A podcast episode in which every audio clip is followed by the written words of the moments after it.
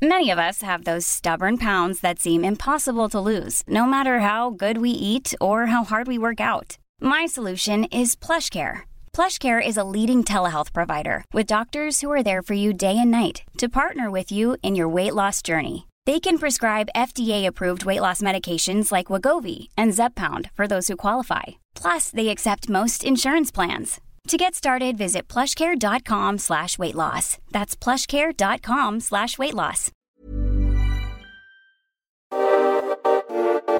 Ni lyssnar på Bagge och Brobacke podcast. I 30 minuter varje vecka kommer vi ge vår syn på marknaden med fokus på pris, makro och sentiment. Välkomna! Avsnitt 9 av eh, Bagge och Brobacke podcast. Vi är tillbaka David. Vi är tillbaka. Och idag har vi en fantastiskt spännande gäst med oss. Bäst på optioner i Sverige.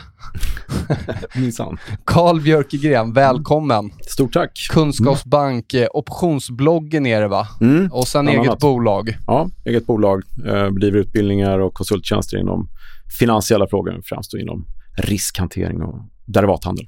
Fantastiskt kul att ha dig här. Vi har ju ett, ett fullsmetat avsnitt med massa frågor, så jag tycker att vi kan väl eh, hoppa igång ganska snabbt. Men, men eh, David, du hade väl lite där kring, eh, kring bakgrund och sådär? Mm. Ehm, jag har gått lite optionsutbildningar med dig ute på OM. Det var ju Mm. 8-9 år sedan, så time flies. Men eh, annars var väl första gången jag hörde ditt namn var ju i Peter Dokumentär 2012, där du eh, också deltog i dokumentären om din eh, pappas mystiska försvinnande. Mm, just det. Ehm, Mm. i- Intressant eh, dokumentär helt klart, Eh, men Ja. eh, idag ska vi fokusera på dig tycker jag. Och de som Mm. vill höra mer om den kan ju lyssna på den eh, dokumentären istället. Ja, Men det. tittar vi på din eh, meritlista, jag har gjort lite background check här. Eh, trader på OMX, Ja. trader på UBS, Mm. derivative sales and trading på Nordea, trading på Öhman, Mm. derivative sales på ABG, kört egen fond däremellan och sen eh, 11 år tillbaka är du fristående finanskonsult. Stämmer. Häftigt. Time flies, som sagt. Ja, ja, verkligen. Mm. Ja, äh, vi ähm, tycker det kan vara bra att äh, bjuda in dig i, till podden och det är mycket flöden ute som, som drivs av optioner Mm. eh, generellt i marknaden, inte minst inom liksom, amerikanska meme stocks och även stundtals på Nasdaq. Jag tänkte vi kunde komma tillbaka till det på lite scenarioanalyser lite senare då, men eh, Ja. vi använder rätt mycket optioner i vår, i vår handel där vi, om vi tror på nedgång, kan vi köpa puttar eller ställa calls och så ehm, köper vi även de olika lösen, eh, tid och, och pris då för att vara med på eh, den meltupen som alla är så sugna på ska komma. Ehm, så att eh, helt klart jättekul att du kunde ta dig tid att komma hit eh, som en av de absolut vassaste i branschen då, på, på optioner. Ja, kul att vara här. Stort Ja, ska man inleda med lite, jag vet inte, kunskapen där ute? Ska man nämna snabbt bara vad en option är och hur den prissätts? Ja. Ja, men option eh, är ju ett derivat. Ett eh, aktiederivat eller indexderivat, eller ett derivat i sig. Och eh, Den enkla biten är att om ett derivat eh, i sig är inte värt någonting, det är helt värdelöst, menlöst sådär. Men du kopplar in det till en underliggande vara, aktie, till exempel ett index. Då tar den liv och blir värd mer eller mindre eller blir större och fetare eller sådär. Utefter hur den underliggande varan rör sig. Och Den kallas då för att man deriverar från underliggande, härmar helt enkelt den. Mm. Eh, Det är ju en derivatet och sen så kan man eh, översätta det till en option, en köpoption eller en säljoption som är eh, definitionen av derivatet Mm. som man handlar. Mm. Så det är väl definitioner och det här är då någonting som kompletterar handeln eh, på ett bra sätt. Vi har ju ett behov av att hitta möjlighet att handla på nedsidan, handla sidledes eller handla när börsen är stängd till och med. Eh, skydda våra portföljer, våra innehav eh, och så vidare. Så att eh, det har ju växt fram som ett eh, oumbärligt instrument i finansmarknaderna. Eh, främst Mm. självklart från USA. Eh, men så tidigt som, eller så sent ska jag säga, från 73 så har det växt och blivit eh, ja, men ett nödvändigt ont för de stora husen så att säga. Har, har intresset eh, efter liksom de kriser vi har varit igenom, har intresset blivit större eller mindre skulle du säga om man jämför med för typ 20 år sedan? Eh, ja, 20 år sedan var ju, då var det pikade intresset någonstans innan det hände massa grejer. kom fler instrument att konkurrera på marknaden och sådär. Mm. Men eh, nu eh, med corona och allt det här så har det verkligen blivit ett jätterop efter alternativ på börsen. Och många känner ju inte till att det finns optioner och terminer att använda sig av på massa olika sätt. Det finns ju Eh, jag har hållit på med det i över 25 år. Jag märker fortfarande nya saker man kan göra. Sådär. Mm. Eh, så att intresset har verkligen eh, tilltagit sista jag ska säga 6-8 månaderna rejält. Kul. kul. Mm. Så det är kul. Det är jättebra ju. Ja, det är det. Hur ser du på, det finns ju otaliga eh, typer av finansiella instrument, derivat, mm. eh, som du säger. För, mm. liksom, för, ta, ta, för längre tid så var ju optioner extremt dominerande, men idag ja. finns det ju massa olika typer av, av liksom, kontrakt. Mm. Vad, om vi ska bara säga någonting där, varför tror du att många kanske väljer lite rakare eh, kontrakt? Eller det kan ju se ut som att de är mm. rakare. Ja. Eh, man tycker mm. att det verkar komplicerat med optioner, men, men mm. eh, bara prata lite kort kring det är alltid intressant. Ja, eh, det finns ju två delar. Man kan dela upp det för att göra det enkelt. Det ena är ju eh, strukturerade produkter och det andra är eh, listade eller standardiserade optioner. Standardiserade optioner är ju då eh, prisneutrala. För det finns ju eh, market makers som ställer priser de här som är, har kontrakt med börsen då. Och de konkurrerar med varandra så blir det alltid en prisneutral bild. Strukturerade produkter kan vara bra i sig, men de ska man vara medveten om då är prissatt av ett enda institut. Eh, så warrants eh, versus standardiserade optioner brukar i prismässiga termer vara eh, olika. Det är dyrare då med dem som eh, enstaka institut utfärdar. Så eh, om det var ungefär det du frågade efter. Men eh, det var väl... Eh, eh, det är väl det som är det attraktiva med, med listade optioner i alla fall. Då. Det är priseffektivt och det är, finns alltid en bra andrahandsmarknad. Sådär. Man tar ju inte heller motpartsrisk på samma sätt som i en, Nej. i en varant exempelvis som vi hittar typ Commerzbank. Skulle Commerzbank gå under av någon anledning mm så kan det bli lite stökigt eh, ja. på varantsidan. Ja, exakt. Går en bank i default, då är det kört för alla kontrakt de ger ut. Sådär. Och mm. det här eh, standardiserat eh, eh, clearingen på börsen Nasdaq, de eh, garanterar ju att eh, villkoren eh, följs upp och sådär. Och, men framförallt så eh, kanske det är som så att standardiserat, om du har en standardiserad option, då kan du korta den utan att äga någonting innan. En warrant kan du inte sälja om du inte redan äger den. Och det här skapar ju en... Sant, det är en stor skillnad. Ja, det är en jätteskillnad. Då kan du göra massvis med kul strategier då. Mm. Kanske komma in på sen. Mm. Mm. Så ja, det finns lite skillnader, men de är ganska enkla att ta reda på. Så det tycker jag man ska göra om man inte har mm. gjort innan. Och vad, vad är det som eh, bestämmer själva optionens eh, prissättning då? Det är dels underliggande. Ja, mm, Volatiliteten är ju en stor... Ja, det är det. Man kan dela ja. upp dem i, i sex stycken för att mm. tänka där igen då. Eh, för det första har du då lösenpriset, striken, mm. och underliggande varans, till exempel aktieindexets kurs eller pris. De mm. går ju i paritet med varandra. Då. Sen har du löptiden viktig, lång löptid. Så är det ju mer sannolikt att du får in någonting. Så lång löptid, lite dyrare kontrakt. Räntan under den tiden, inte så betydelsefull. finns inte så mycket ränta. Utdelning kan det ske under löptiden, måste man ta hänsyn till. Det är de fem som är redan kända fakta. Mm. Sen som du sa, den sjätte, den absolut viktigaste i särklass är volatilitetsfaktorn. Och det är den spekulativa graden i ett derivatkontrakt, oavsett derivat. Då. Så eh, eftersom det prissätts 30 dagar exempelvis in i framtiden så måste man göra en bedömning av vad man tror om risken där. Mm. Och där har du då den implicita volatiliteten som eh, skvallrar en hel del av vad marknaden tror. Så den är viktig. Om man, om man som, som jag och Nils då, tror på en, en en, en volatil sommar generellt. Då. Mm. Vi får se om vi får något jätteras, men en volatil sommar. Vad, ja. vad är bästa strategin bara för att liksom köra själva vollspelet? Då? Mm. Eh, om du ska göra det enkelt, om du tittar på volatiliteten idag. Nu är ju börsen ganska dyr fortfarande toppad. Eh, mm. Folk mår bra, börsen är stark. Mm. Då brukar volatiliteten gå ner, risknivån går ner. Det ger billigare optionskontrakt. Och om du då tror att det ska bli en stökigare marknad, kanske lite mer ja, nedåtgående kan vara rimligt att tro. Då kommer volatiliteten öka. Så om du köper på nedsidan en bit, en säljoption till exempel, så blir det lite billigare kronor och ören, lite nedsida. Eh, och börsen går som du tror, lite mer skakigt neråt. Så kommer volatiliteten öka, ditt kontrakt ökar i värde. Går det ner kommer säljoptionen öka i värde. Så där har du en jätteenkel position som många tittar på just nu till mm, exempel. Mm, mm. Om vi tar, eh, tar här sen i april så har det ju inte varit så jättekul att vara long only. Nej. Men jag misstänker att det har varit ganska trevligt att jobba med optionsstrategier. Mm. Vi kan ju bara kolla på grafen OMX och se att vi har mm. varit i en stor trading range, ja. eh, upp och ner. Och mm. det borde väl vara en, en liksom ett mönster som passar optionshandel? Alla gånger, ja. absolut. Visst gör det det. Eh, det är det som är det fina med optionshandeln på det sättet. Det finns ju alltid ett läge att göra någonting och man kan ju läsa av ganska mycket i optionshandeln också vad som händer och vad som förmodligen liksom kan, inte, ja, det är ingen kristallkula liksom, men eh, i den här marknaden så kan man till exempel vara eh, neutral. Man kan sälja premium, få på sig premium och rida den samtidigt som man kan komplettera till exempel med ja, din putt på nedsidan där till exempel och vara Mm. beredd. Man märker då i vollnivåer och sånt där om det börjar ändra sig och då kan man då följa upp sin marknadstro och sin plan eh, och på så sätt få en lite mer stabil trading.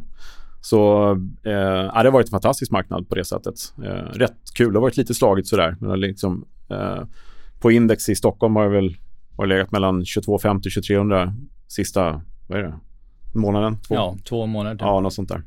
Så ja, det har varit ganska trevligt. Frågan är om det ska fortsätta ligga där, men det är ju en kul spekulationsgrad. När vi ändå är inne på, på det, vi hade ju optionslösen här förra veckan. Mm.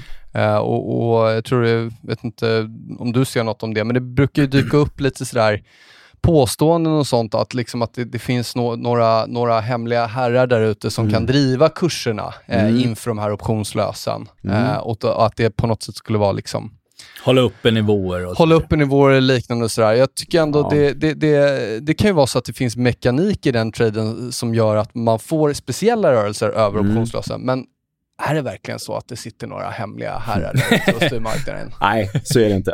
Eh, inte, du, inte vad jag har sett sista 25 åren i alla fall.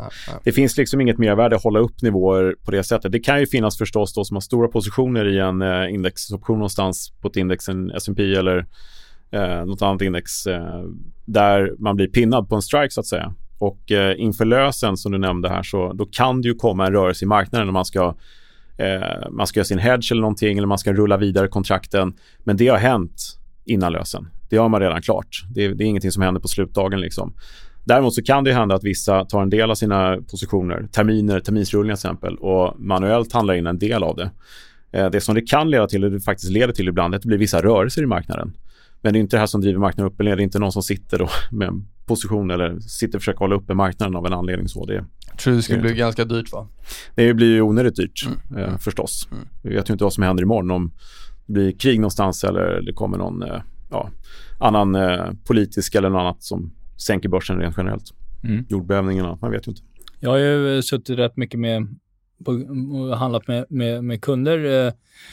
Eh, både på Carnegie men även på Nordea. Men på, på Carnegie var det ju väldigt mycket privatpersoner som, som gjorde så att säga covered calls. Du ställer eh, köpoptioner på, Mm. på innehavda aktier. Ja.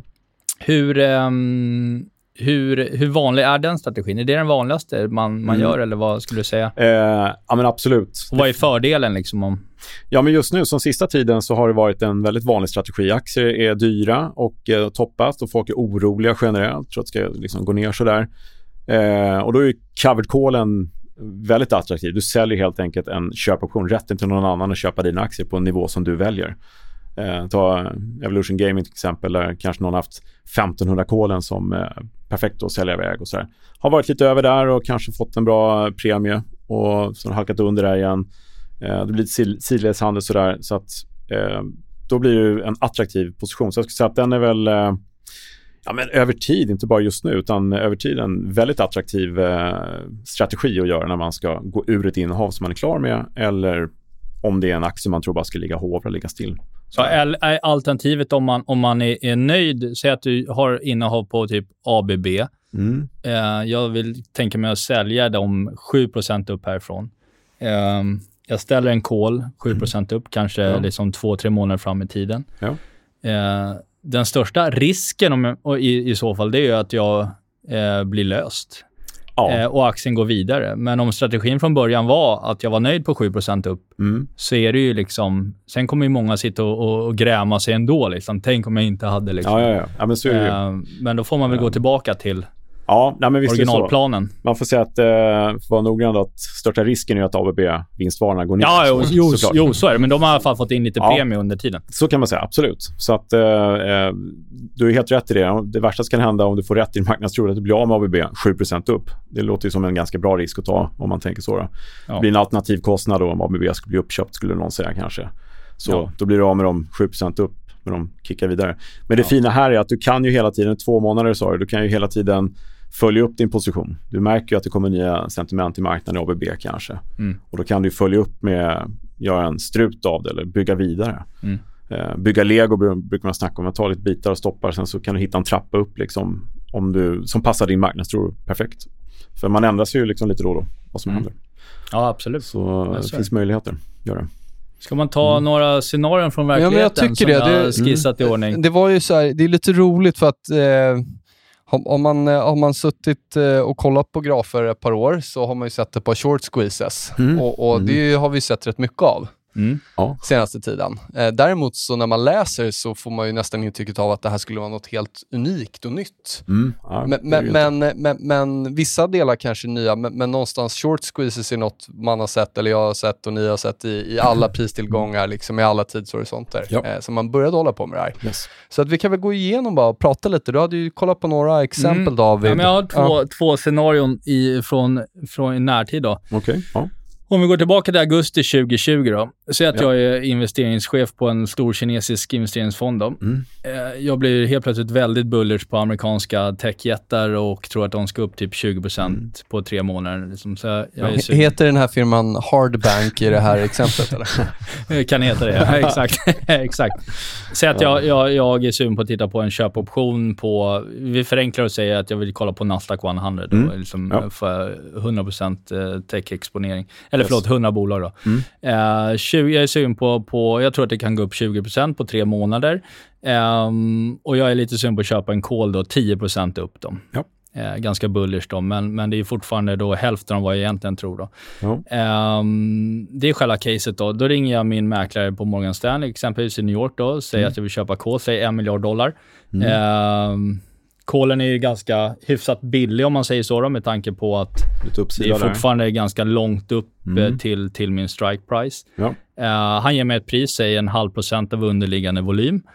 Uh, jag accepterar mm. priset och så är affären klar. Liksom. Vad, vad, I andra änden, och det är det som är mm. intressant i marknaden. Vad, hur kommer traden på Morgan Stanley hedga den här positionen? Eh, traden kommer då med all sannolikhet. Det finns ju två delar här. Till att börja med, så samma sekund som traden är klar, då är du lång en call, eh, stor volym. Mm. Och traden market maker är kort. Mm. Eh, alltså kort marknaden. Mm. Eh, det vill traden inte vara. Det är en stor risk förstås. Mm. Så han kommer att söka en hedge.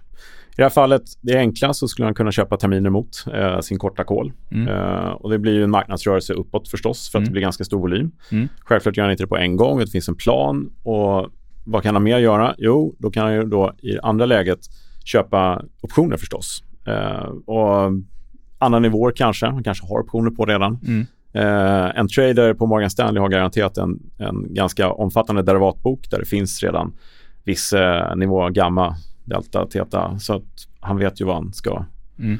eh, göra. Mm. Och eh, eh, det som händer, det är det ena, det är det första liksom, direkt vid traden. Det som händer sen är ju efteråt, när han ska behandla den och eh, hantera den här positionen. Mm. Då är ju eh, det vi kallar för delta-neutrala. Om vi tänker mm. att han hedgar hela den här, då blir han ju neutral här nu. Säljer mm. terminer mot hela positionen. Om vi, eh, förmodligen kommer det inte bli så direkt, men om vi tänker att han gör det. Mm. Då är han ju delta-neutral, vilket betyder att han är neutral här och nu. Mm.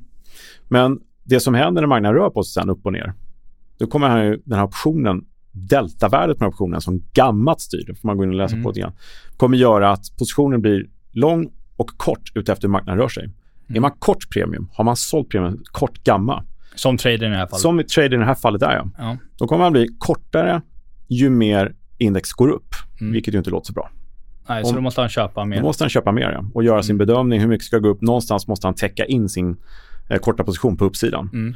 Och Det här kan ju driva marknaden alla gånger. Eh, över tid så att säga. Och blir det stora positioner och marknaden rör sig jättesnabbt, ja, då blir det ju självklart mer panik. Precis som man har blankat en aktie och aktien drar iväg så måste man köpa in den kanske om man inte tror på att caset på nedsidan håller. Men nu är det trading och eh, det som eh, traden då måste göra det är att se till att vara neutral för att minska sin risk. Mm. Och samtidigt göra förstås en bedömning om marknadsläget själv. Och, och, och där är det viktigt mm. liksom att mm. det, är ju, det är ju inte en tro om någon riktning där utan det är Nej. bara en fråga om att kontrollera mm. risk. Ja, så är det, det ja. Och självklart är det en del av jobbet att eh, försöka tjäna pengar på, på kuppen och göra det så bra som möjligt. Och här kommer volatiliteten in på ett riktigt bra sätt. För ska man investera då i eh, fler optioner, köpa tillbaka premium i andra optionskontrakt, då är det väldigt viktigt vilken nivå, inte kronor och ören, utan vilken volatilitet man handlar till. Mm. Eh, och det måste vara då försöker ju då traden eh, eftersträva då, till en billigare nivå eh, relativt sett än man har sålt till dig. Ja, exakt. Så att han gör minst på det. Så att där, där sitter traden hela tiden, eh, varje sekund och kollar och ser hur marknaden går. Och drömscenariot för traden är att eh, det inte rör sig alls. då kommer hans TETA som heter, han är sålt premium. För varje dag som går kommer optionen bli värd mindre och mindre tills en dag Det är värd noll. tidsvärde då. Tidsvärdet, ja. Mm. Så han kommer ju tjäna pengar varje dag genom att optionen blir värd mindre, TETA, Mm. som han får in då. Och då är det ju bra om marknaden inte rör sig alls. Så det är ju drömscenariot. Man måste hela tiden vara beredd på att det går upp eller ner. Då måste man köpa tillbaka också. Säg att jag som eh, på Softbank då, eh, som det här är, eh, Mm. får, får rätt. Mm. Eh, vi såg ju här i slutet av augusti, in i början av september på, på Nasdaq gick 10 på, på två, tre veckor. Ja. Eh, vilket såg ut som egentligen en stor bara gamma squeeze egentligen. Mm. Från de här Mm. lite större köpoptionskontrakten som gjordes under augusti. Ja. Och sen behövde liksom tradingen Ja. bara jaga in det liksom. Exakt så det blir det. Eh, Eh, och det var man inte, nu vet vi ju det. Eh, då, där och då, har man ingen aning om att marknaden ska gå upp 10 nej, Då finns det för, förmodligen en del eh, bedömningar tradingmässigt och det finns risknivåer, volatilitet, det finns alla beräkningar på bordet. Eh, men vid något läge när det börjar gå ganska fort också, där. Eh, Mm. Det rör sig väldigt mycket på kort Mm. tid. Eh, då kommer det bli en, eh, sån här, eh, en gammal squeeze helt enkelt. Man måste Mm. köpa på sig delta för att bli neutral igen och åtminstone minska, minska risken. mm, Och det som ofta kan hända också är att man köper på sig ännu mer. Man märker att det här går upp. Det här Ja. är starkt. Eh, Det kommer inte liksom bli neutralt. Man ser att sentimentet i marknaden är starkt. Då köper man på sig ännu mer. Och söker också eh, ytterligare då calls i marknaden som någon annan ska gå emot och sen så håller det på Ja. Mm. ja, intressant. Eh, ja, Jag tror det, det är någonting jag kollar väldigt mycket på om man ser rörelser i enskilda aktier eller på, på index totalt sett. Jag tror att det är viktigt Mm. att, att ha en förståelse för i alla fall. Eh, på Ja. enskilda namn och även då i, i, i börsen som stor stundtals. Inte varje gång, men eh, Nej. just det här Mm. fallet var ganska... Men om man tar en annan då. ja. Om vi i januari 2021 istället då. Jag är en stor amerikansk retail-trader, röd bandana, eh, som florerar på ett forum med två, andra, eh, två miljoner andra hemmatraders. Jag eh, stryker mitt eh, sällan duschade hår och rättar till bandanan, tar upp en lista över de mest blankade aktierna i USA och funderar på om man inte skulle kunna få till en riktigt stor liksom, kursstegring i de här och röka ut hedgefonder och annat. Eh, så vi går ihop på 100 000 pers på det här forumet och köper köpoptioner i de här namnen. Det, de kan heta allt från GameStop till, eh, till AMC. Och sen är ju då den här karusellen igång Mm. igen då, fast i mindre likvida aktier, Ja. hårt blankade. Ja. Och det är väl framförallt där vi har sett den här riktigt stora liksom, kursstegringen i, eh, i eh, ja, framförallt i USA då, i Ja. de här Ja. populära liksom, aktierna. Då. ja, GameStop var väl eh, den mest påtagliga. Liksom. Och som du sa, likviditet spelar en jättestor roll. Eh, och finns det liksom inga aktier att köpa, då får man köpa nivåer. Alltså får man trycka på köpknappen för att täcka sin risk. Mm. Speciellt då man, eh, som vi snackade om nyss, är kortgamma och har sålt Mm. väldigt mycket calls i de här.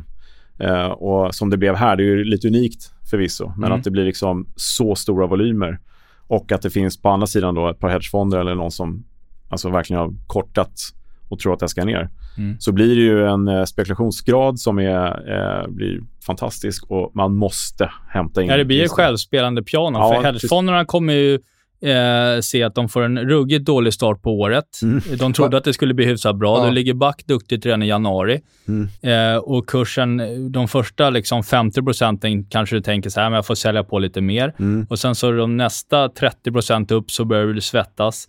Och sen helt plötsligt bara, "Nej, vi får, Mm. dra, vi får dra i stoppen och köpa tillbaka de här. Då driver det kursen ännu mer. Och, och, Traden måste väl då också köpa ännu mer. Han som sålde optionerna Mm. från början Ja, måste ju också köpa ännu mer.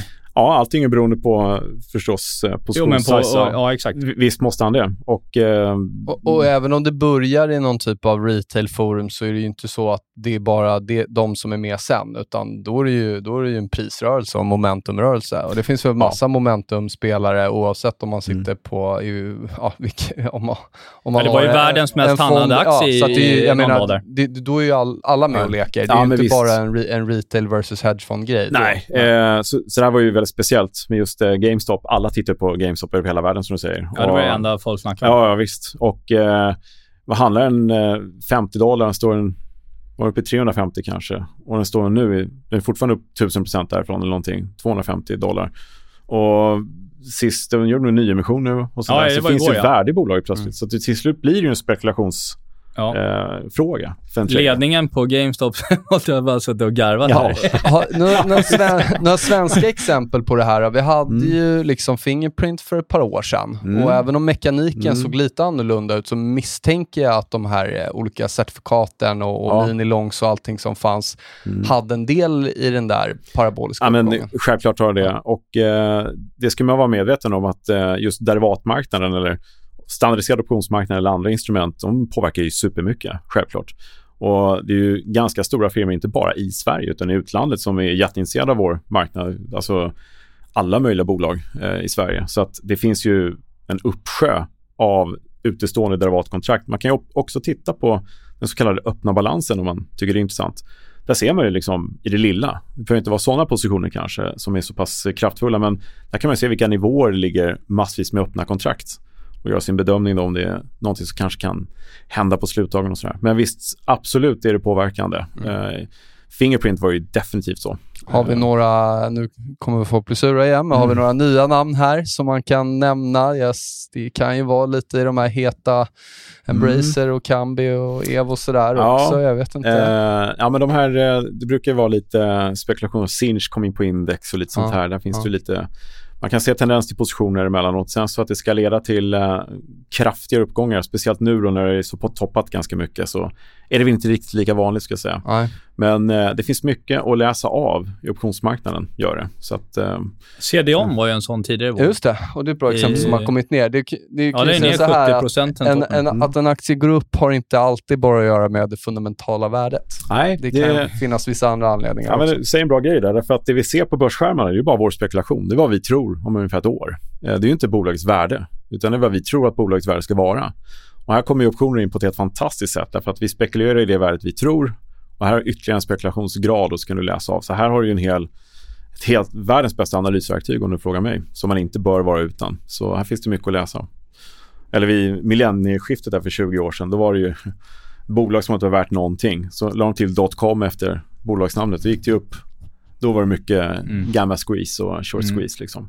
Så det, det gäller att leva liksom i vad, vad, som händer just nu och vad som är poppis och just nu verkar ju ingenting vara omöjligt. Allting går upp hela tiden. Och, och historien är ju aldrig densamma, men det finns ju mycket som liknar. Ser du många ja. paralleller? Vi, vi pratade om det här om dagen David, att när jag började i branschen 2009, hösten, mm. då var det ju aldrig kul med aktier inom citattecken. Nej. Det var ju ingen som pratade om det. Då. Nej, då precis i kölvattnet av finanskrisen där. Kan Nej. du dra några paralleller mm. till antingen 2000 eller 2007 mm. där som du känner igen nu, Nej. även om det är annorlunda? Helt klart, alla gånger. Eh, alltså 98 satt på UBS, trading kommer var ju eh, så kallad Asienkrisen.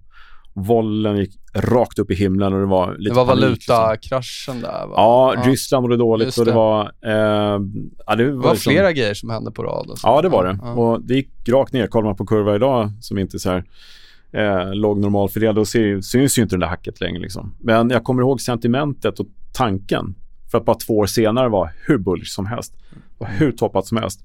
Och jag tycker jag ser likheter med det idag, till skillnaden att vi inte har någon ränta idag överhuvudtaget. Mm. Och eh, att det är, att, det är som du säger, det är liksom lite annorlunda.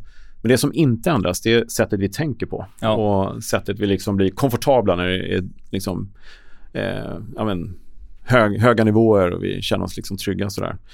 Eh, och återigen, det här är, eh, tycker jag inte man ska utan grundläggande kunskaper i optionshandel för här kan man ja, rädda rätt mycket ifall det nu vänder ner från de här Ja, men för det intressanta är ju att alla har ju försäkringar på liksom bilar, klockor, mm. hus, vad som helst. Men ja. det är ju inte speciellt många som tänker på att uh, lägga några procent per år eller någon procent per mm. år på att faktiskt skydda portföljen Nej. på samma sätt. Ju... Som i många Nej. fall kan vara mycket mer värd än vad, än vad huset är. Liksom. Ja, men precis. Det här brukar jag som stående grej på ja. en föreläsare eller kurser och så här. Eh, det här är dessutom en premie du kan få tillbaka. Ja. Det brukar man inte få på huset. Nu kanske Nej. huset stiger i värde, men ja. Det, är, det är väl värt att tänka på. Och just nu när det är så toppat här idag, när alla är nöjda och glada, då är det billiga eh, nivåer. För det är väl mm. exakt det som är poängen, att alla ska köpa försäkringen när det redan mm. har brunnit. Liksom. Exakt, ja. man ska ju köpa den när man kan och inte när man måste. Nej, precis. Och det brukar ofta vara så i eh, finansmedia också, att eh, när det har gått ner 15-20%, då säger så här gör du nu och slutar ja, alltid med att äga inte aktier om du om det går ner ungefär. Det är aldrig någon som pratar fullt ut om att köpa en, kan bara köpa en, sälja en termin mot portföljen. Det kan ju Ja. vara liksom kortsiktigt hur bra som helst. Ja, ta sommar. Ja, exakt. Foka på badet. Ja, visst. Ja. Lite putta på nedsidan Ja. liksom. Eh, och där kan man läsa av SKU också för att komma in på det. Mm. Eh, hur nedsidesputtar blir mycket dyrare. Och den är ju, Den har ju varit väldigt hög ju. ja den har varit Nu har dynghög. väl kommit ner lite sista dagarna. Mm. Eh, Det där är lite intressant för det innebär ju att många har ju köpt väldigt mycket skydd också Mm. för Mm. sommaren här nu. Ja, så. Så att det, i min värld så är det ju fortfarande så här att den riktigt stora pain-traden i marknaden egentligen för Mm. många är ju om det rusar upp. Egentligen. Mm. Om man tittar på optionsbilden i alla fall. Liksom. Ja. Är, det, är det en korrekt uppfattning eller ska man tolka in något annat av, av SKU liksom? Nej, utan eh, ja, men så kan det vara. Om det nu kommer en, eh, går rakt upp igen, det kommer alltid finnas eh, det som händer med nivåerna, at the money, nedsida och uppsida så att säga. Mm. Då kommer ju at the money helt plötsligt vara nedsida. Eh, Mm. sådär. Eh, de optionerna kommer bli dyrare och många sitter liksom och, och kanske äger dem och är glada. Trots att det går upp så får de dyrare optioner som de, på boken Mm. och sådär. Mm. Så att eh, du kan ha helt rätt i det. Eh, men vad som händer i eh, med liksom prissättning av optioner, hur det utspelar sig, det är liksom svårt att säga. Efter ett tag kan det bli självuppfyllande. Mm. När det kommer de här lösendagarna Mm. och du sitter med extremt mycket nedsidesputtar som ska rullas vidare, Mm. så kanske du hellre väljer, om det blir för mycket, du kanske tar ett tradingbeslut, att eh, nej, men nu viktar vi om vår portfölj istället till säkrare till någonting annat. Mm. Eh, och är det en tillräckligt stor firma som gör det eller två, då kan det bli en trigger.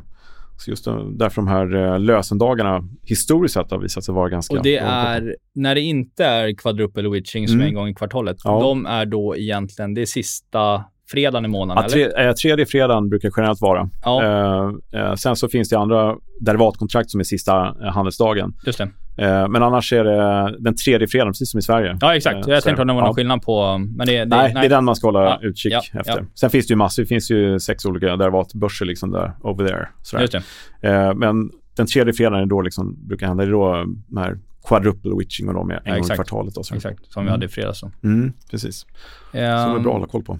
Ska vi börja runda av intervjun lite? Ja, men det tycker jag. Det här var ju... ju om man- hur om man kan vill, ehm, helst, men- Ja, eh, om, om man är intresserad av att lära sig mer om. Mm. Vad, liksom, hur eh, Jag, tar man kontakt med dig? eh, kan man läsa mer om ditt verk? Och, Jag, jag finns ju på optionsbloggen.se. Jag, har, jag driver även en eh, webbportal, alltså med en riktig heltäckande utbildningsverksamhet på nätet som man kan ta del av. Som många är och kör nu och har haft mycket nytta av. Så, där. så det kan man göra. Eh, optionskurs.nu om man vill ha gratis eh, kurs, fem dagar, introduktion och sådär. Optionskurs.se kan man läsa mer om den här eh, webbkursen om man är intresserad. Eh, och där går det absolut att ta kontakt med mig, eller med mig och på Twitter också eller något sånt där. Mm. Jag finns alltid tillgänglig för eh, frågor och svar och sådär. Så att, eh, tanken är att eh, utbildning ska komma till hands för den som vill ha det alla gånger. Kul. Fantastiskt. Låter Mm. jättebra. Så, mm. Härligt! Stort tack att du tog dig Jättestort tid tack. att komma hit. Jag tror att det kommer vara Super. super eh, uppskattat bland lyssnarna. Tack så jättemycket för att jag fick Ja. komma. En stor ära. Jättetack. Tack, grabbar. Trevlig sommar. Tack samma. Tack samma.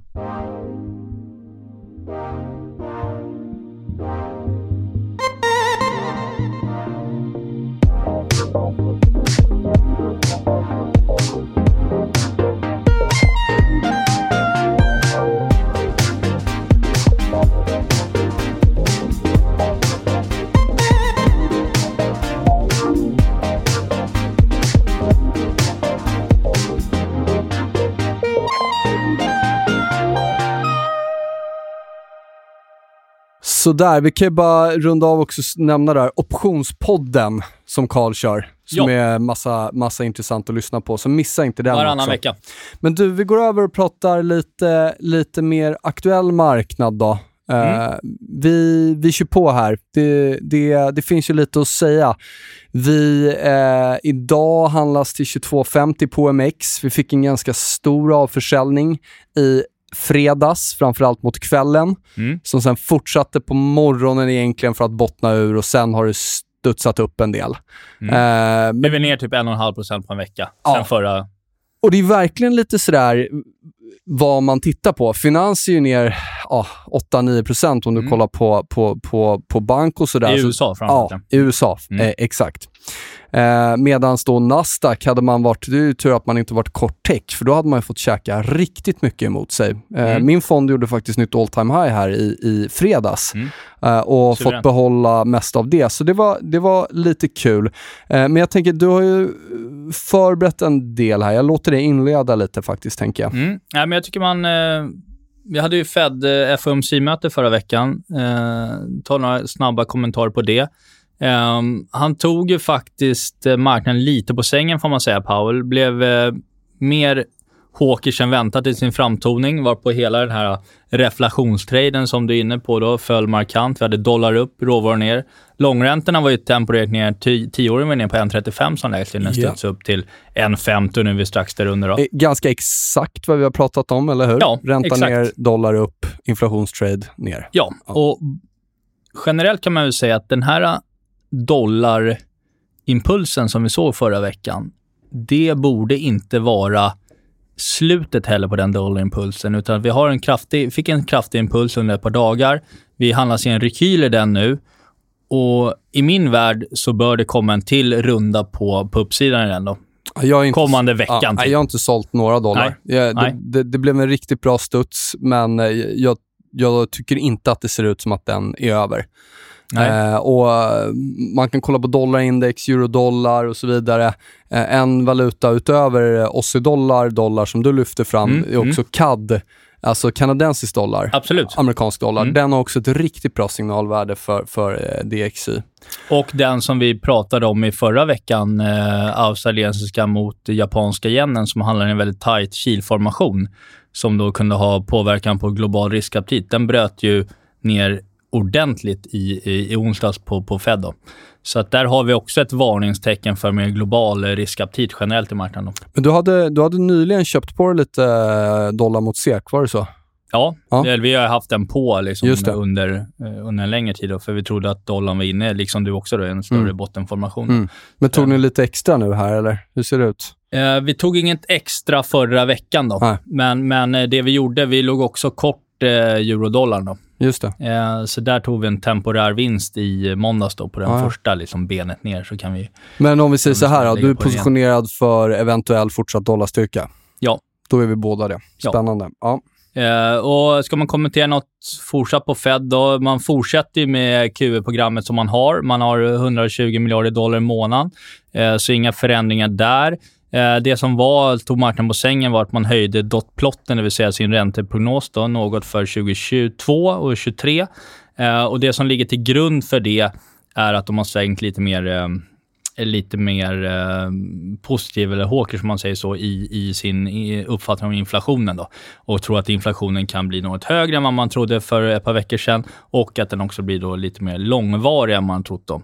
Eh, däremot så är det väl fortfarande troligt att vi inte ser någon räntehöjning innan kanske utgången av 2022 och sen kanske vi ser en till då i utgången av 2023. Men det som är intressant för marknaden, det är ju när man drar ner på sina stödköp. För det är ju de facto det som mer styr börssentimentet och risktillgångar än, än om räntehöjningen, än när den faktiskt kommer. Då. Så att eh, säg att man då eh, börjar tejpra sitt Q-program eh, 12-18 månader innan första räntehöjningen vilket är då ja, ett första steg som Fed kommer att göra. Ehm, det kan, behöver inte vara 12 månader, det kanske blir 6 månader, men, men däromkring. Uh, skulle det vara 12 månader då, då är ju det, eller 18 månader, då är det ju så att man eh, kommer börja annonsera tapering under hösten. Och då är det också troligt att man kommer mer, ge ett mer specifikt datum och prata mer om det här vid centralbankskonferensen i Jackson Hole i slutet av augusti eller i, vid mötet i september. Då. Så det är väl det man ska... Det är väl eh, det, är väl det marknaden kommer foka på den här sommaren, förutom nästa FOMC-möte i juli, är ju primärt eh, Jackson Hole i augusti. Då. Um, sen, som alltid, så har ju alla då eh, medlemmar i FOMC varit ute efter de här mötena, som de alltid är veckan efter den här veckan. Och varit ute och pratat och försökt liksom, ja, tona ner liksom, eh, det här Hawkers-budskapet som man ändå gav i dopplotten och liksom det, att allt är uppe på diskussion och sådär. Va? Eh, och man spelar ner en lite den mer Hawkers man hade då. Men frågan, eller det är ju helt givet att en tapering kommer. Eh, frågan är bara när den inleds. Och, eh, för som, som, som vi har varit inne på ett par gånger, det här är ju ingen det är ju ingen bankkris, det är ju en hälsokris. Och det var ju det som Micke Sarve var inne på i avsnitt 4 också. Att kasta då de största stimulanserna du har haft i historiskt överhuvudtaget på en hälsokris.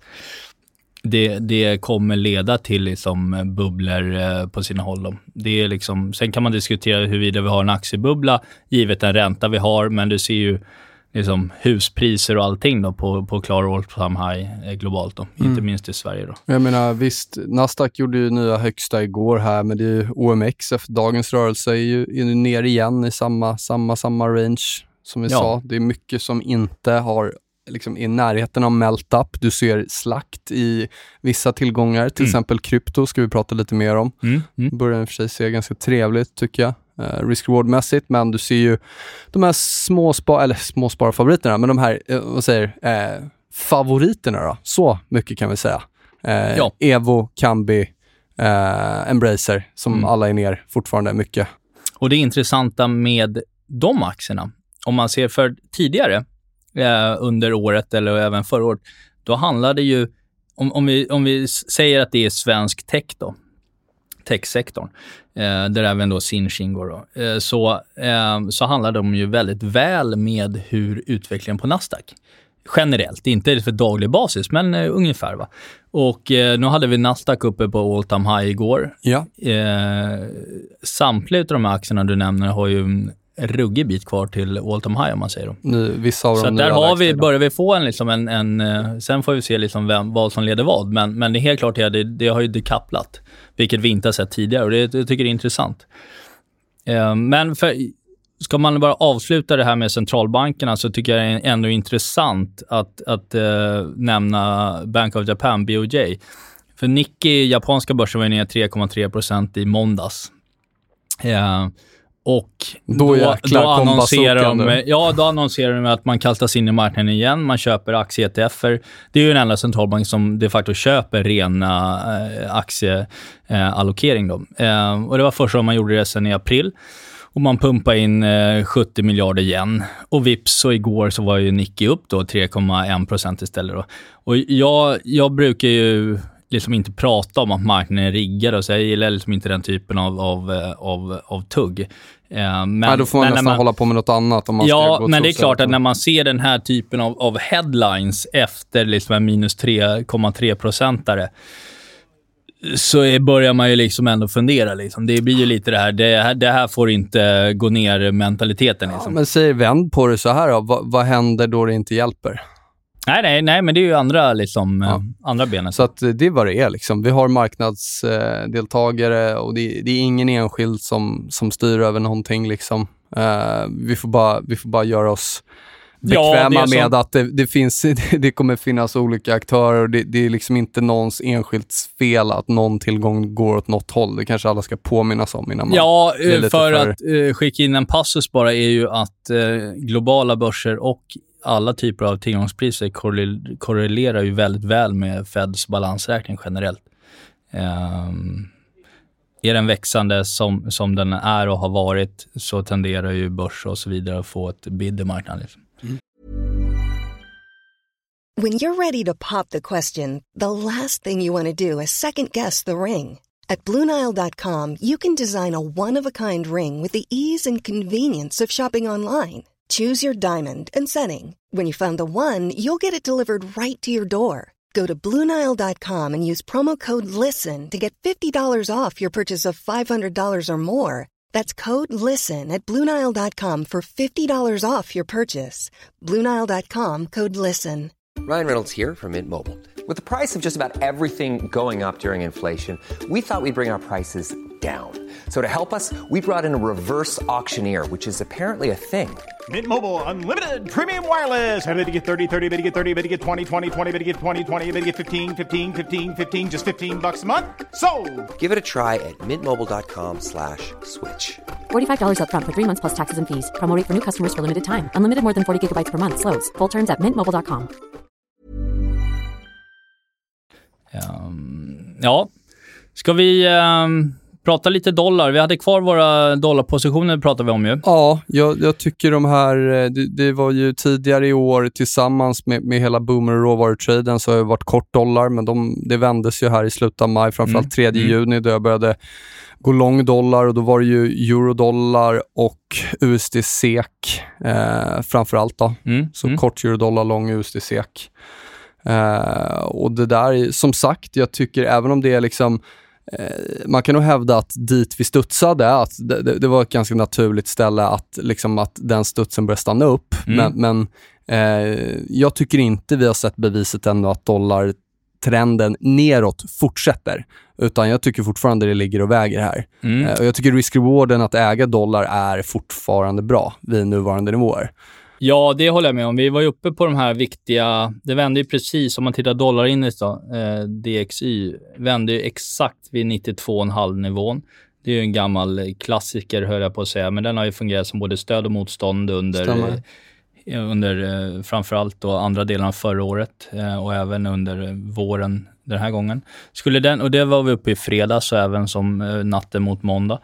Skulle den brytas på uppsidan igen, då är det högst troligt, tycker jag, att vi att vi är uppe och testar den här gamla eh, mars-april högsta på, på 93,40 då. Så jag tror det, det är där. Och skulle vi se det, då har vi också en, en dollar SEK upp mot april högst också. Det är 8,75, 8,80 där någonstans. Mm. Men det, det är väl eh, det är väl där man i den här rörelsen tycker jag man ska, man ska sikta. Man kanske inte ska liksom sitta och hoppas på att vi ser 9 kronor i dollarseken. Men... Nej, det, det, är ju jättesvårt att säga. Det man kan säga är ju så här att from failed moves comes fast moves. Alltså det, det, det är ju det var ju väldigt positionering short dollar nu. Ja, oh ja. Och det vände. Ja. Vi har pratat om det i flera veckor, att det är något som vi har saknat, om det nu ska vara risk-off. Mm. Och nu kom den signalen och på det sen så liksom handlar också om, så att jag, jag tror så här, kan rörelsen fortsätta ett tag? Ja, vi, vad, vad är nivån? Vi, vi, vi får nog se liksom. Eh, men men eh, eh, jag menar, får vi ett riktigt risk-off index, då kan ju dollarn gå upp och göra liksom, en bra bit.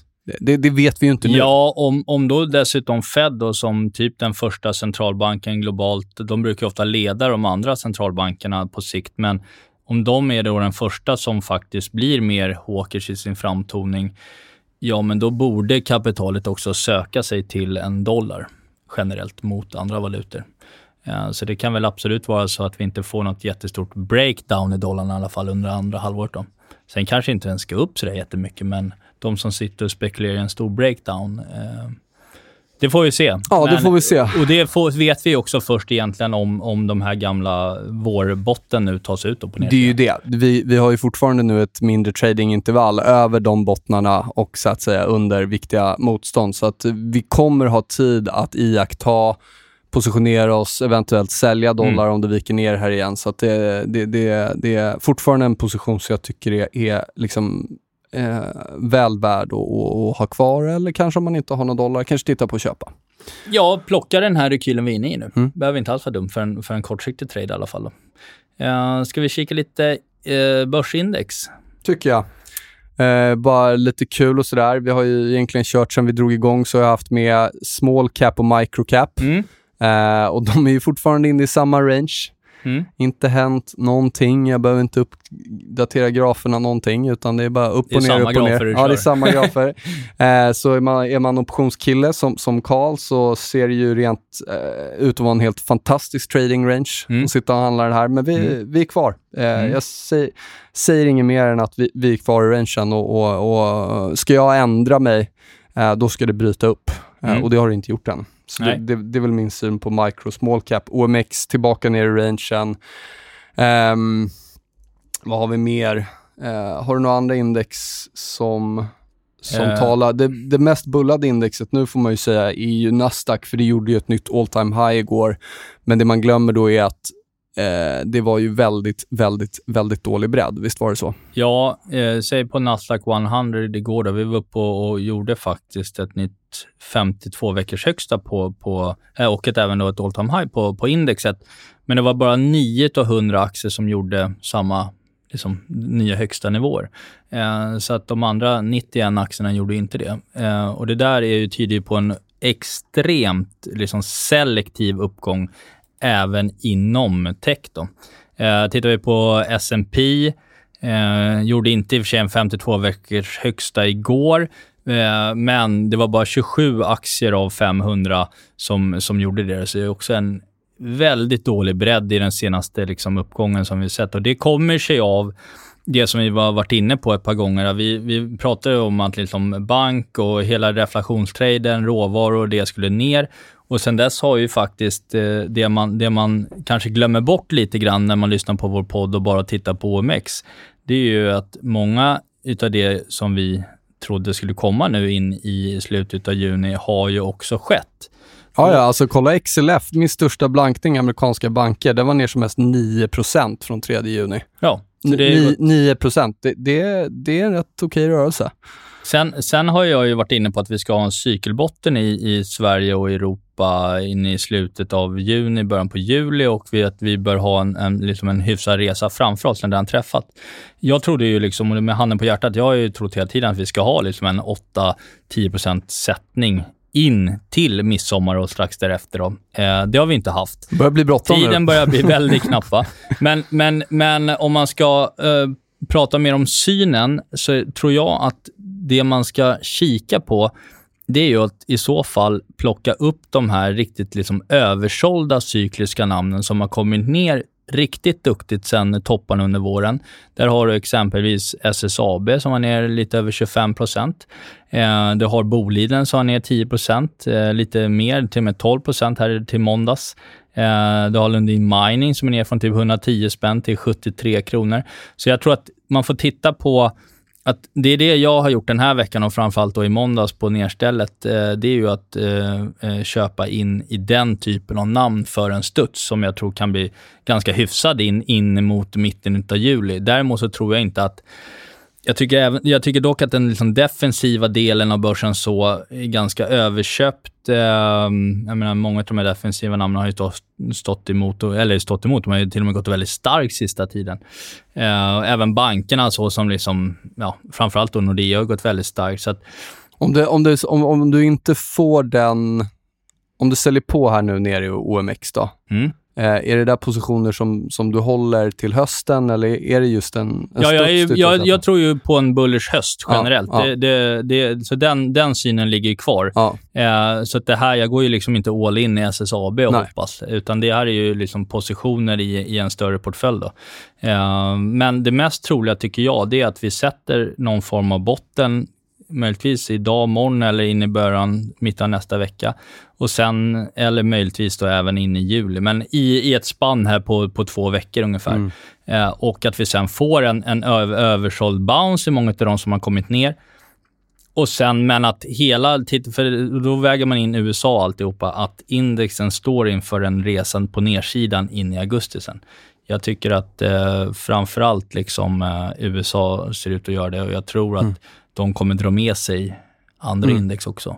Jag, jag, tror att det, jag tror att det eh, bara titta på graferna så ser vi att det har varit stora rangear och då blir det ju verkligen viktigt att kunna jobba som nu du, du har jobbat både på nedsidan och på uppsidan. Eh, jag håller mig fortfarande till nedsidan. Jag kommer inte köpa några nya saker. Däremot så får man ju nyttja såna här lägen som fredags och måndags när, när, när kortpositioner har gått 5-10%. Ja, ja, att ta vinster på det, an, annars så blir det svårt. Liksom. Eh, men jag ser snarare då möjligheten att ställa på och öka blankningar igen.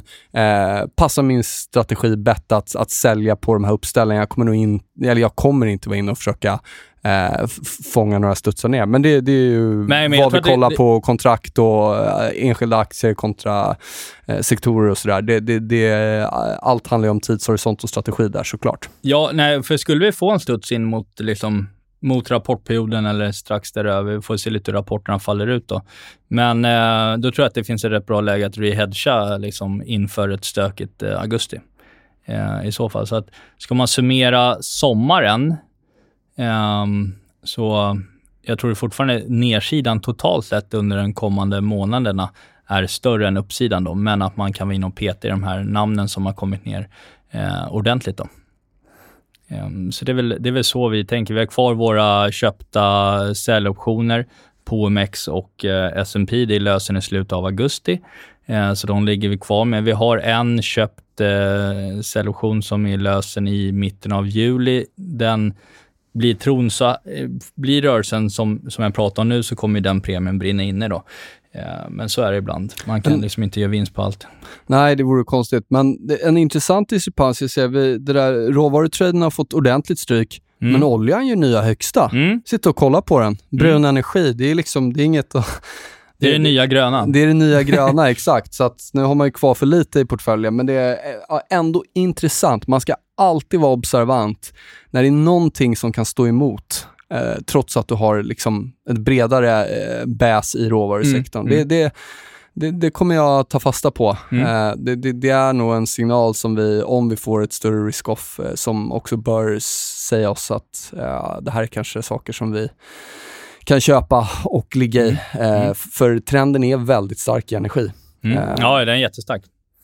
Um, något som, även om du, som du säger, att vi, vi står kvar i en trading range och så här, om vi tittar på OMX och så här, så här, den, det, det, den stora grejen som egentligen hände i fredags eh, och som vi faktiskt fortfarande handlar under, det är ju att vi bröt den här hela upptrenden från eh, botten där i slutet av eh, oktober, början på november. Drar man en trendlina från de bottnarna hela vägen upp så bröts den i fredags. Och Det där är ju ett första liksom, varningstecken.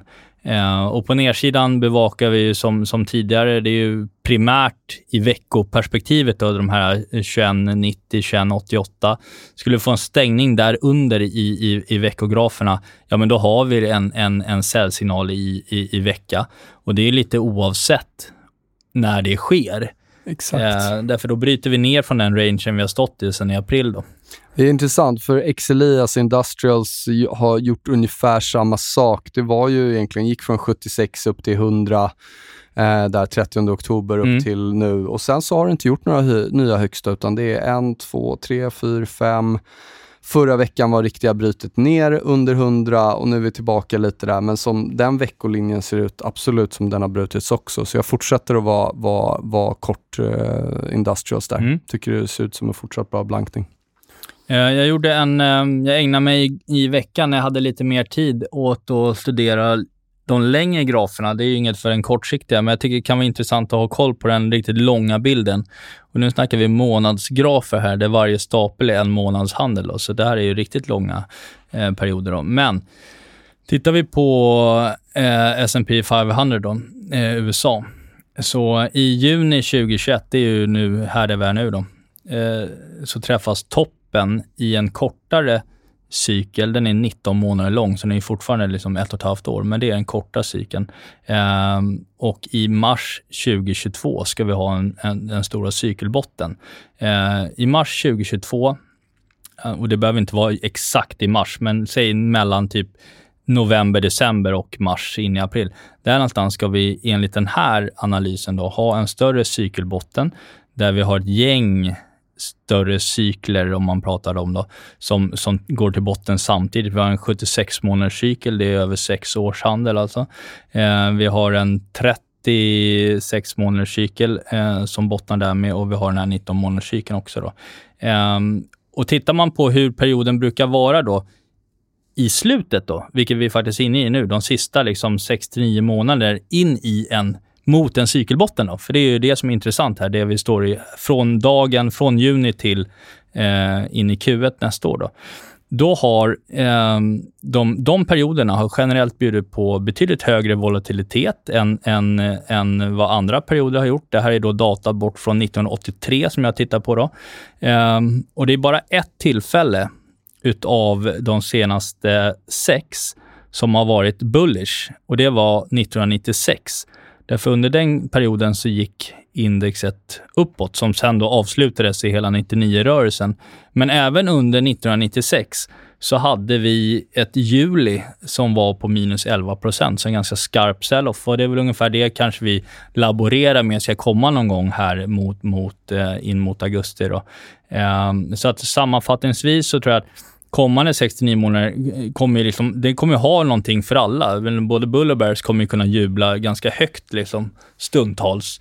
Ehm, och, och får vi rätt eh, i synen så är det framförallt sommaren eh, mot, eh, mot slutet, mitten av augusti som är lite större risk riskevent för amerikanska börser då, som bör även leda andra börser. Ska vi avrunda med lite krypto, bitcoin? Ja, Ja, det har ju varit eh, fet rörelse kan man ju minst sagt säga. Det är å- återigen, det är ju liksom, lägger ingen värdering där. Eh, men men eh, du hade väl faktiskt kollat den där 30-nivån tror jag, tidigare ja, Ja. Eh, de som följer med på Twitter eh, kunde ju läsa under, under vintern när vi var uppe på 55-65 000 dollar där att jag trodde den skulle ner till 30 000 i, i sommar, i en sommarbotten. Eh, det var ju väldigt få som... Det var ju som mest håsat där uppe. Så det fick inte så många likes på en sån tweet att det skulle Nej, ner 50 det kan man säga. Och vi hade liksom CFOs i USA som köpte bolagens kassa skulle in i krypto. Alla skulle in i krypto. Men nu är vi vid de här 30 000 eh, och vi var nere där, där under i, igår. Eh, det är ju en, de som ritar huvudskuldraformationer eh, fick ju egentligen då stundtals igår en breakdown genom det och då skulle vi i så fall ha haft en en target någonstans på 27 500 mot 25 000 då. och sen det, det riktigt viktiga stödet i, på 20 000 nivån. Då. Men jag tyckte igår att eh, det började bli eh, attraktivt liksom risk-reward, i alla fall om man blickar framåt en del. Eh, vi hade positiva divergenser i daily chart och sådär, att nedgången avtar i styrka. Så jag långade lite, lite krypto privat i, eh, igår eftermiddag. Snyggt. Nej, men jag tycker... Det, koll- en, det var Ja. en otrolig resa Ja, på, på Nej men det, och kollar du 24 på timmar. veckostickorna, om vi lägger bort allt det här med vad, vad som sägs, så är det ju eh, faktiskt rätt många svansar nu på nedsidan, precis på samma ställe där svansarna var eh, i början av året. Mm. Eh, och sen fick du uppgången och så kom vi ner och så har vi fått en, två, tre, fyra, fem, sjätte veckan av stök, men Mm. egentligen sidled. Mm. Alltså det är ju otroligt styrketecken. Om vi inte bryter ner och etablerar oss under 30 000 nu, trots, trots all... Jag menar, det är omvänt hur det var vid 60. Ja, exakt. Då kunde inte Exakt. bitcoin gå ner och det var laser ass och, Ja. eller ice och allt vad det hette. Ja, Men eh, och jag menar, nu verkar ing- så här, så att eh, är vi över 30, ser bra ut. Eh, Ja. lägger ingen annan värdering i det, men det, det, det, är ju, det är ju inte helt fel med så här många veckors konsolidering. Liksom sköt ju ut många på den här veckans Ja, oh ja. rörelse. Och jag menar, nu är ner 50 eh, lite mer sen topparna. Eh, väl ner kanske 50, ja men i, med Mm. dagens rörelse är vi ner 50% kanske. Och alla var jättebullish där uppe. Har vi några Eh, targets då? Så bara eh, prata lite nivåer på uppsidan. Vad, vad ska vi ha? F- 47? 50? Ja, där Ja. någonstans va. Och är man långsiktigt bullish det här, då, då de som pratade om liksom 100 000 till 500 000 när vi var på 65 000 i vintras, eh, de har ju en raketresa att göra Ja. härifrån. Nej, men pris ändrar ju sentiment, så att de kanske har ändrats under tiden. Det är ju inget konstigt. Men, men eh, som du säger, det är ju eh, allt annat lika. Prisdatan nu ser ju inte så, så eh, dålig ut, tycker jag. Nej, jag tycker så här. Ska Ja. man, ska man liksom någon gång köpa krypto, Ja. eh, så kan det ju helt klart vara ett betydligt bättre läge här än vad vi sett tidigare. Och det börjar se intressant ut tekniskt. Ja. Sen kommer det, om det går till 10 så är det ju bättre där, men det vet vi ju aldrig. Nej, men då får man ha en stopploss då under 20 om det ska vara så. Då. Exakt. Ehm, Ja, Ja. Nej, lämnar vi krypto därhän. Det är kul med volatilitet i alla fall. Det verkar ju, Ja. få se om det där Det är också något som verkar vara ett konsensus att nu bitcoin är för litet och påverkar liksom inte övriga risktillgångar. mm. Eh, inte så säker på att det är så, men eh, det kan ja, det, det har ju historiskt varit en, en korrelation Ja. mellan, mellan just bitcoin Men det ska ju ha släppt nu, S&P. säger man. Ja, ja. Jo, jo, jo. Men eh, vi får se. Det kan komma med vissa månaders lag också. Mm. Det, det har inte alltid skett samtidigt heller. Eh, så det kan vara... Det är i alla fall inget styrketecken för global riskaptit att bitcoin har backat 50 Eh, Jag tycker det är intressant att titta på den rotation vi har haft i marknaden de sista veckorna och det är lite en rotation from hell. Ni kommer ihåg vad vi pratade om i podden eh, exakt för en månad sedan, slutet av maj, när de här stora eh, smart beta-strategierna gjorde stora omviktningar. Det var MSI-flöden eh, som var då och vi tittade på den här eh, USA Momentum Factor ETF som skulle allokera 68% av sin portfölj i, i förändringar under en och samma dag. Och Det var 16 miljarder dollar. Och Det är inte bara den, det är även rena aktiefonder som gör stora omallokeringar också. Och Det som har hänt är ju att alla har eh, under maj då köpt eh, financials. Totalt sett har eh, fondflöden och ETF ETF köpt 4,8 miljarder dollar in i financials. 4 miljarder dollar i basic resources, eller resources, natural resources. Och vi har eh, tech då, där, som har varit den stora nettosäljaren. Då, där har de minskat med 5,2 miljarder dollar under maj. Eh, och vad händer i marknaden? jo, självklart. Eh, som en brev på posten. Eh, eh natural resources går ner.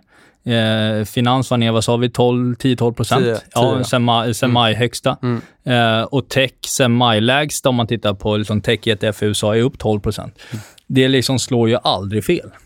Nej, det slår aldrig fel. Och det är många som sitter och grämer sig där ute just nu, kan jag säga att man faktiskt att man, att man gjorde dem när man gjorde dem. Nej, men man kanske grämer sig själv att man inte köpte lite tech. Det borde man ha gjort, men jag är gladare att jag inte kortade tech utan att jag kortade inflationsgrejerna, för de har ju Exakt. faktiskt gått ner. Exakt. Och det är det där, vi kommer liksom aldrig fånga alla rörelser. Det, det är ju helt omöjligt. liksom. Eh, men, men återigen, när konsensus vände, eh, så, så blev det också väldigt eh, bra att göra tvärt emot. Ja, jo. och det kan ju vara kortsiktigt bra att gå emot det där igen nu då.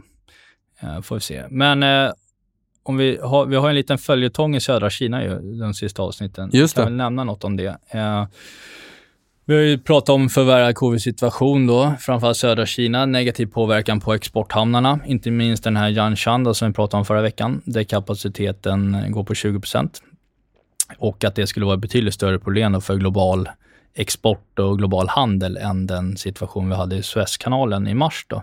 Eh, läste en artikel igår kväll eh, från hamnarna i södra Kina. Då. Eh, och de väntas också förbättras och återgå till det normala igen.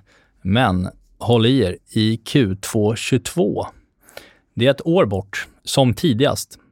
Eh, och eh, vi såg Volvo i, eh, i lördagens tidning Eh, kan tvingas ta nya stoppdagar. Man har inte fått ordning på sin försörjning av komponenter i sin tillverkning av lastbilar.